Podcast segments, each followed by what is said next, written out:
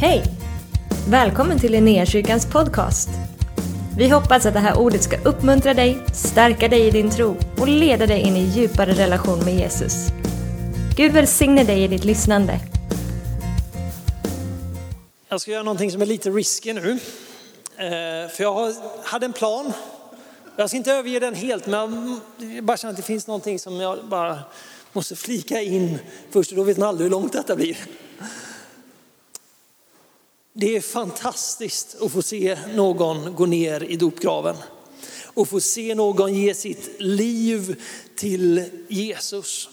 Och mitt tema för den här dagen var trons kraft, för det är liksom kyrkoårets eh, tema för den här söndagen. Så jag hade liksom en hel predikan om trons kraft.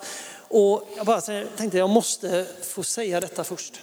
Vi kan tro på en himla massa saker. Vi kan ha människor som sätter sin tro till eh, ideologier eller till statsmakter eller till vapen eller sin egen styrka. Och det kommer inte föra oss någonting. Tron i sig är helt kraftlös. Ända tills du sätter din tro till den som är stark. Innan du sätter din tro till den som har förmågan att göra skillnad. Den som har förmågan att gå in i det där mörka rummet och bara slå på ljuset i en handvändning. Det handlar om vart vi riktar våran tro emot. Vi har alla liksom olika bilder av vem Gud är, av vem Jesus är. Vi har en tendens att liksom välja ut delar av, att det här är Jesus för mig. Och så kanske vi har jättemycket tro i det området. Men det handlar om att sätta tron på honom och på den han säger att han är. På det som hans egna ord säger att han är. Han som är trons upphovsman och fullkomnare. Han som Jakob precis sa, han som valde att kliva ner ifrån himlarymderna, bli människa, kött och blod. Gå mitt ibland oss liksom med mänsklig svaghet, mänsklig utsatthet utsatthet, motstå frestelser, prövningar, lidande och död. Men han som döden inte klarar att hålla. Han som klarar att motstå all syn, han som klarar att resa sig upp ifrån graven och sätta sig på faderns högra sida. Han som idag har all makt i himmelen och på jorden. När vi sätter vår tro på honom, då finns det kraft. Då finns det kraft att förvandla ett liv i ett ögonblick. Då finns den här kraften att föra någon ifrån död till liv, från smärta till hälsa, från liksom dövhet till hörande, från mörker till ljus. Vi kan säga hur mycket saker och bra kloka saker om tro och trons kraft, men det handlar alltid om vem är det jag sätter min tro till? Vem är, vems händer är det som jag placerar mitt liv i? Har den personen förmågan, kraften och viljan, då finns det ingen bättre plats att lägga det livet. Och sen bara hålla tassarna därifrån och låta det ligga kvar där. Lita på att han kommer att föra mig dit han har bestämt att han ska föra mig. Låta han ta mig på resan med honom. För det är så lätt att prata om tro generellt. Men det handlar om Jesus. Det handlar om han som är kapabel. Det är han som är villig, han som är allsmäktig. Det handlar om honom. När Andreas går ner i dopgraven så ger han sitt liv till honom. Bibeln lovar att det inte finns någon som kan rycka Andreas ur Jesu händer ur faderns famn. Han är säker där. Han är placerad där därför att Jesus är pålitlig. Jesus håller i vått och i torrt. På livets bästa dag och på livets sämsta dag så håller det därför vi vet vem Jesus är. Amen, nu kan jag gå ner.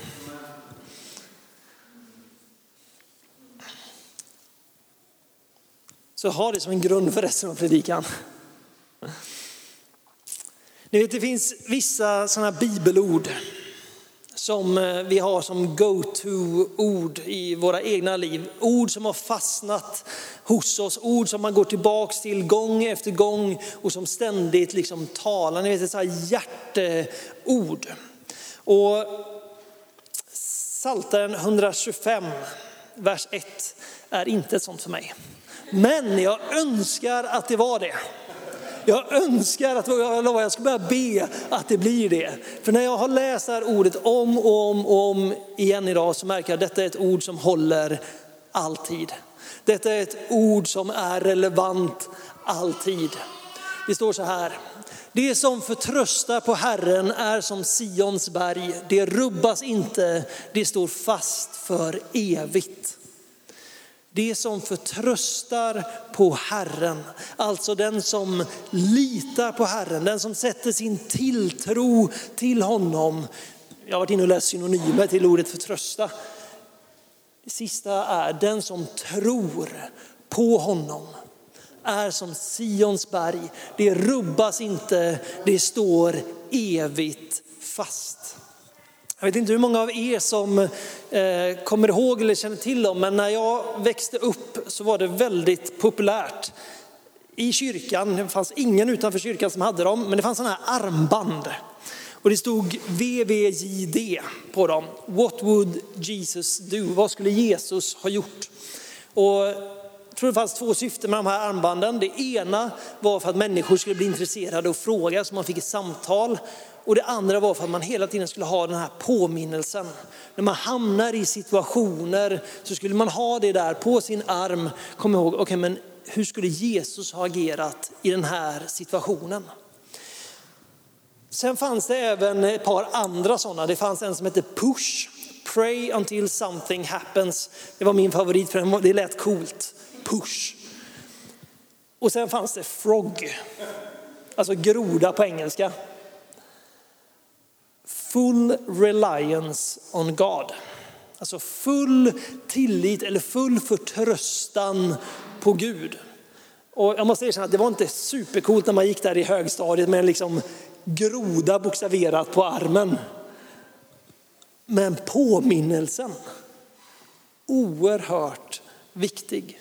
Vet, jag önskar än idag nästan att jag hade som en alarmklocka, liksom, väckarklocka. Att när jag kommer in i en situation där jag liksom möter motstånd eller när jag känner att det här är för svårt för mig eller någonting skakar om mig. Så skulle jag vilja ha den här klockan som bara börjar ringa. Benjamin, kom ihåg vem det är du förtröstar på. Kom ihåg vem det är som kommer bära dig igenom det här. Kom ihåg vem det är som står på din sida. Jag behöver en sån varningsklocka för jag vet, jag tror inte att jag är ensam om det. När jag möter stora situationer i livet, min ångestnivå går upp. Min stress ökar. Jag börjar se liksom de värsta tänkbara scenarier. Jag försöker liksom leta flyktvägar ifrån konsekvenserna därför att jag har ingen aning om hur det ska bli. Bara som ett exempel, och nu är inte det här ett jättestort problem, det är bara det att det har varit ett ihållande problem för mig. Jag har en bil som aldrig vill fungera. Jag har haft två bilar som aldrig vill fungera. Och det har tagit pengar, det har kostat tid. Och så i våras nu då så gjorde jag en eh, renovering av motorn. Halva motorn liksom plockades ut och sattes in nya delar. Och jag tänkte att nu, nu är det över. Och bilen har gått som en klocka. Och så förra gången jag predikade, det var det två, tre veckor sedan, kommer ut lite matt så här efteråt, sätter mig i bilen, vrider om motorlampan, tänds och nu vet jag vill bara dunka huvudet i väggen. Och man bara säger inte en gång till. Och direkt i mitt huvud, så den här motorlampan kan betyda 64 olika saker. Majoriteten av de problemen är inte speciellt stora. I det här fallet så gick allting på försäkring. Jag behöver inte betala en krona själv, de byter och de fixar det. Men där och då ökar min puls maximalt. Ångesten tjuter liksom i öronen på mig. Jag tänker inte en gång till. Jag tänker nu kommer jag behöva renovera hela motorn igen. Det kommer kosta en förmögenhet och jag orkar inte. Direkt går min tanke till worst case scenario. Men jag har ingen aning om vad det är som är fel. Jag har ingen aning om vad det är som kommer hända, om det kommer kosta några pengar eller om någonting kommer behöva åtgärdas ändå. Det är min stress och min ångest, och min oro som leder mig till platsen av att tänka att det här kommer stå mig dyrt. Det här kommer bli jobbigt. Därför att när vi upplever ångest, stress och oro så slutar vårt logiska tänkande att fungera. Vi börjar liksom hitta de här problemen, allting får liksom lite snöbollseffekt och, eh, och blir större och större. Det är den stunden när jag bara skulle behöva den här klockan, bara komma ihåg Benjamin, Gud är med dig. Gud har varit med dig fram till den här dagen. Du har inte mött någonting som har knäckt dig så mycket att du inte orkat resa dig upp igen. Varje gång som du har varit i en tuff period, så när du ser tillbaks i backspegeln så ser du att Gud har lett dig igenom. Bara flika in det, bilen är bara en, var ett dåligt exempel på de här frågorna egentligen. Men det händer saker i livet när vi, liksom, vi vet inte vad framtiden håller. Och vi tänker det värsta. Min instinkt borde vara, jag vet vem som går bredvid mig. Jag vet vem som håller mig under armarna. Jag har sett Gud göra fantastiska saker i mitt liv. Gång på gång på gång. Kollar jag tillbaks på mitt liv så ser jag gång på gång hur Gud griper in, löser situationer och leder mig till en plats där när jag kollar tillbaks i backspegeln kan säga Gud du är stor. Gud, du är trofast. Ditt ord och dina löften håller. Men i situationen så springer jag in i den där tegelväggen med huvudet före om och om igen innan jag till slut kommer till insikten. Just det, jag är inte ensam.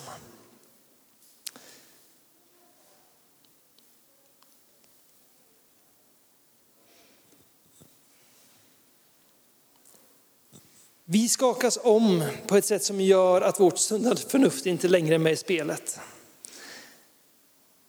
Men jag glömmer vem som ständigt är med mig. En som ständigt leder mig och alltid samverkar till det bästa för mig. Det är ett bibliskt löfte att Gud ständigt samverkar allting för det bästa för dig. Vilka situationer du än möter så är han där och han agerar för att i slutändan ska bli det bästa. Det är inte lätt att se det när man befinner sig på den där mörka platsen. Det är inte lätt att se det när man är nere i dödsskuggans dal. Men när du är ute på andra sidan så är det så enkelt att se, den här resan har förändrat mig. Den här resan har förvandlat mig därför Gud blir större i mitt liv. Och det är så mycket svårare att bli skakad när ens blick är fäst på Jesus. När du har det här, för när jag kommer till insikt att just det, Gud är med mig, då blir de där problemen så mycket mindre än vad de var kanske tio minuter tidigare. Helt plötsligt kommer jag på att det är bara en bil. Det är bara pengar, det är bara praktiska grejer, det är inte avgörande för mitt liv. Och helt plötsligt kan jag möta de där situationerna, de där problemen med en helt annan rygghållning. Helt plötsligt är inte jag nedtryckt eller nedslagen av det utan jag vet att det finns en annan sida av det. Det finns en, ett kapitel efter detta. Jag tänker vi ska gå till första Mosebok kapitel 15 vers 1-6 kommer till en berättelse om Abraham som vi senare känner som Abraham. Abraham är en gammal man. Abrahams fru är en mycket gammal kvinna och de här har försökt få barn i evigheter. Utan att lyckas. De har liksom gett upp hoppet på att de någonsin kommer kunna få egna barn. Och jag vet inte, det kanske inte är en så stor grej i vår tid som det var då. När allting handlar om att min släktlinje måste leva vidare. Mitt folk måste utbreda sig. Jag tror inte vi riktigt tänker så utan vi tänker att vi vill ha familj. Och det är, det är fint. Men det var en så stor grej på den här tiden att föra sina gener, sitt släkte, sitt namn vidare. Och de här har försökt och de har försökt och de är uppgivna. Där kommer vi liksom in i berättelsen. Det står så här, därefter kom Herrens ord till Abraham i en syn. Han sa, var inte rädd Abraham, jag är din sköld, din lön ska bli mycket stor. Men Abraham sa, Herre Gud, vad ska du ge mig? Jag går ju bort barnlös och arvinge till mitt hus är Eliezer från Damaskus. Och Abraham fortsatte, se mig har du inte gett, se mig har du inte gett någon avkomling, så det blir en av mitt husfolk som ärver mig. Bara liksom kolla Abrahams perspektiv här. Gud säger, var inte rädd Abraham, jag är din sköld, din lön ska bli mycket stor. I Abraham sa, vad kan du ge mig? Vad skulle du kunna ge mig? Jag har ingen son, jag har ingen, ingen familj. Det finns ingenting som kan jämföra sig med det. Det är liksom hans utgångsperspektiv i den här diskussionen med Gud. Men Herrens ord kom till honom. Det är inte han som ska ärva dig, alltså den här eh, släktingen. En som kommer från din egen kropp ska bli din arvinge. Sedan förde han ut, eh, honom ut och sa, se upp mot himlen och räkna stjärnorna, om du kan räkna dem. Han sa till honom, så ska din avkomma bli. Och Abraham trodde på Herren och han räknade honom det till rättfärdighet. Tänk er själva, det ni liksom vill ha på något sätt mest i världen. Det som, där man känner att alla chanser är förbi. Han vet liksom att vår fertilitet den är körd i grunden. Det finns inget hopp kvar. Och så kommer Gud och säger, Din, dina avkomlingar ska bli som stjärnorna på himlen. Min reaktion, min första reaktion om jag hänvisar till det jag pratade om innan hade varit, nej det där är omöjligt. Det där är för bra för att vara sant. Det går ju inte, frugan är ju gammal och grå. Men Abraham trodde Gud, trots att det var det här omöjliga löftet så trodde han på Gud. Och det är så att Gud räknade honom till rättfärdighet på grund utav detta. Vi går direkt vidare till Hebreerbrevet 11. För det finns någonting här när Abraham säger, eller när Bibeln säger att Abraham trodde Gud. Det är som att han, när han sätter sin tro till Gud. När han säger, jag tror att du är kapabel till att göra det du säger. Jag förstår inte hur det kommer gå till, men jag tror att det är sant. Så är det som att det låser upp himmelens potential. Därför att han lägger över ansvaret i Guds famn istället för sin egen. Så står det så här i Hebreerbrevet. Eh, Utan tro är det omöjligt att behaga Gud. För den som kommer till Gud måste tro att han finns och att han lönar dem som söker honom. Där har vi liksom grunden. Utan tro är det omöjligt att behaga Gud. För att du kan inte behaga någon som du inte kommer nära. Du måste tro på Gud för att kunna närma dig honom från första början. Och så står det i vers 11, vi hoppar över ett par verser där. Genom tron fick även Sara, alltså Abrahams fru, som var ofruktsam, kraft att bli mor till en ett fast hon var överårig. Hon tänkte att den som hade gett löftet var trofast.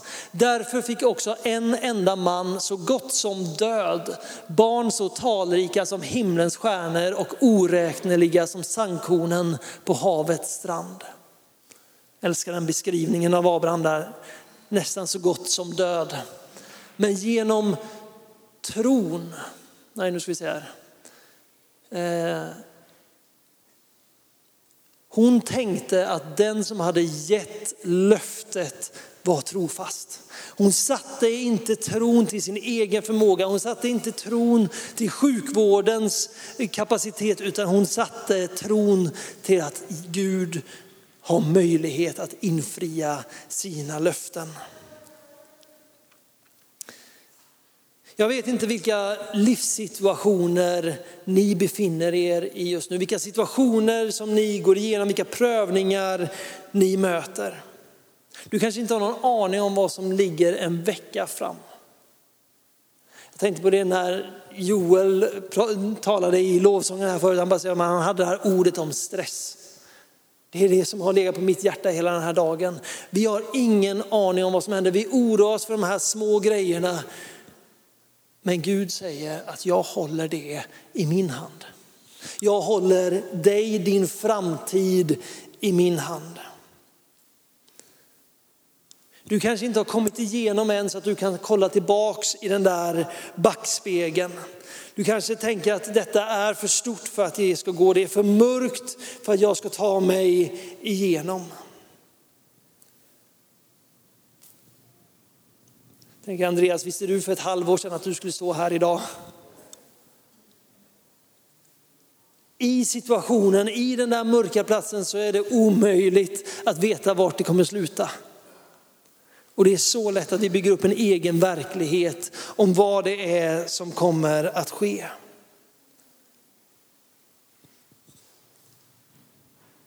Men med Gud i båten kan du le mitt i stormen, finns det en sång som går.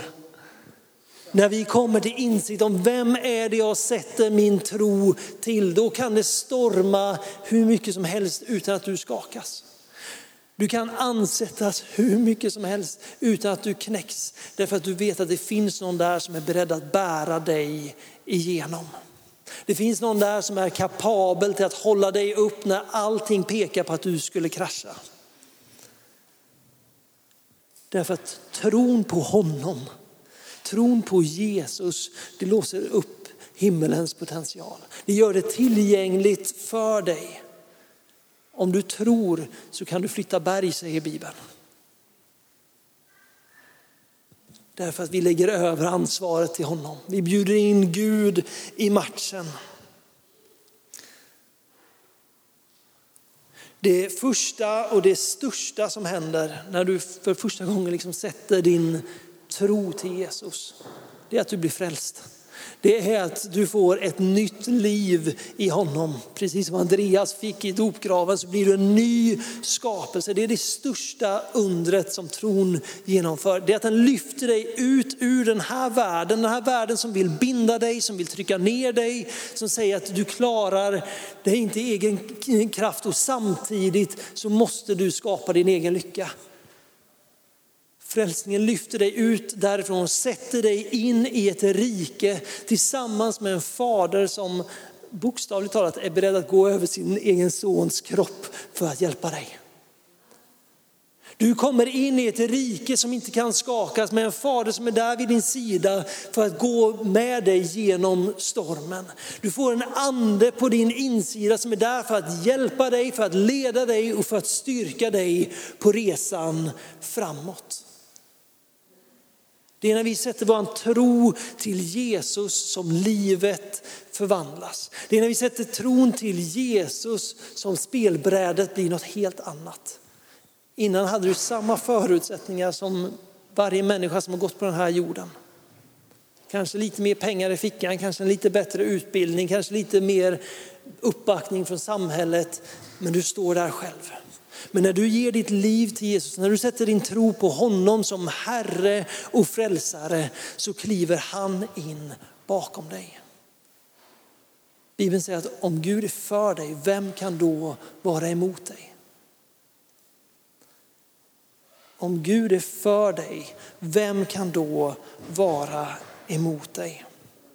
Du blir insatt i ett nytt rike. Ett rike utan slut, ett rike utan begränsningar. Ett rike där du inte behöver vara din egen herre och därmed måste förverkliga dig själv. Utan ett rike där du får komma in i en relation med en pappa som älskar dig.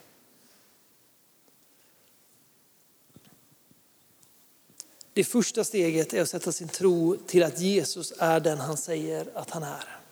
Nästa steg är att fortsätta sätta sin tro till honom. Varje dag, dag efter dag, situation efter situation och att aldrig sluta tro på att han är den han säger att han är och att han är kapabel till att göra det han gör.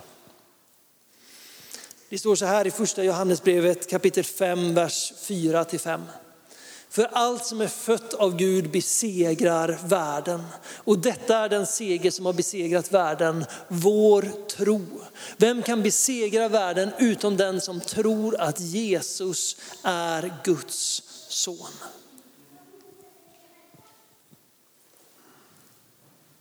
Den här världen skakar just nu. Det räcker med att slå på nyheterna för att se att världen skakar.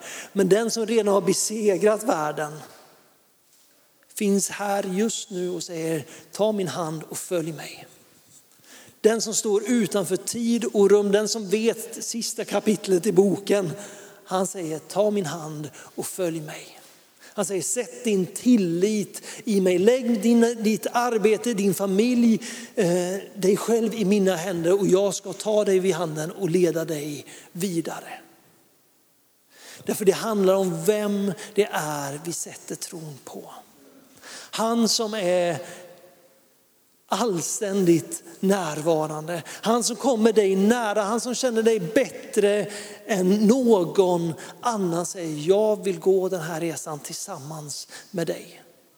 Han som kan tala till stormen så att havets vågor lägger sig, går vid din sida. Han som kan lyfta av syndens ok och bojor ifrån dig säger tro på mig. Tro på mig. Trons kraft ligger i att vi säger ja och amen till honom. Kraften, makten ligger inte här utan den ligger där och att vi får ta del i den bara genom att säga Jesus jag vill ha med dig att göra.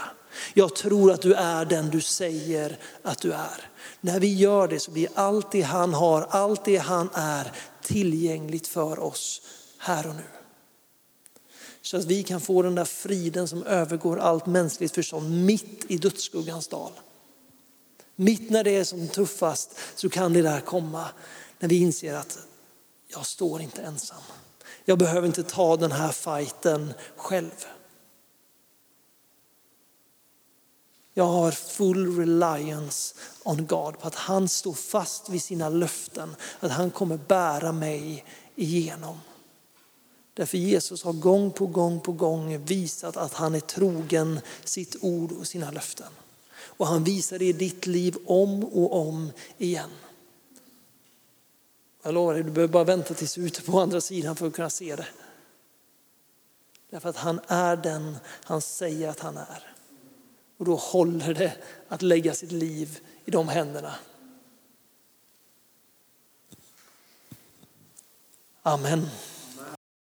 Tack för att du har varit med oss. Hoppas du känner dig inspirerad av Guds ord och har fått nya perspektiv. Hör gärna av dig till oss och berätta om Gud har rört vid dig på något sätt. Vi är så glada att få höra vittnesbörd om vad Gud gör.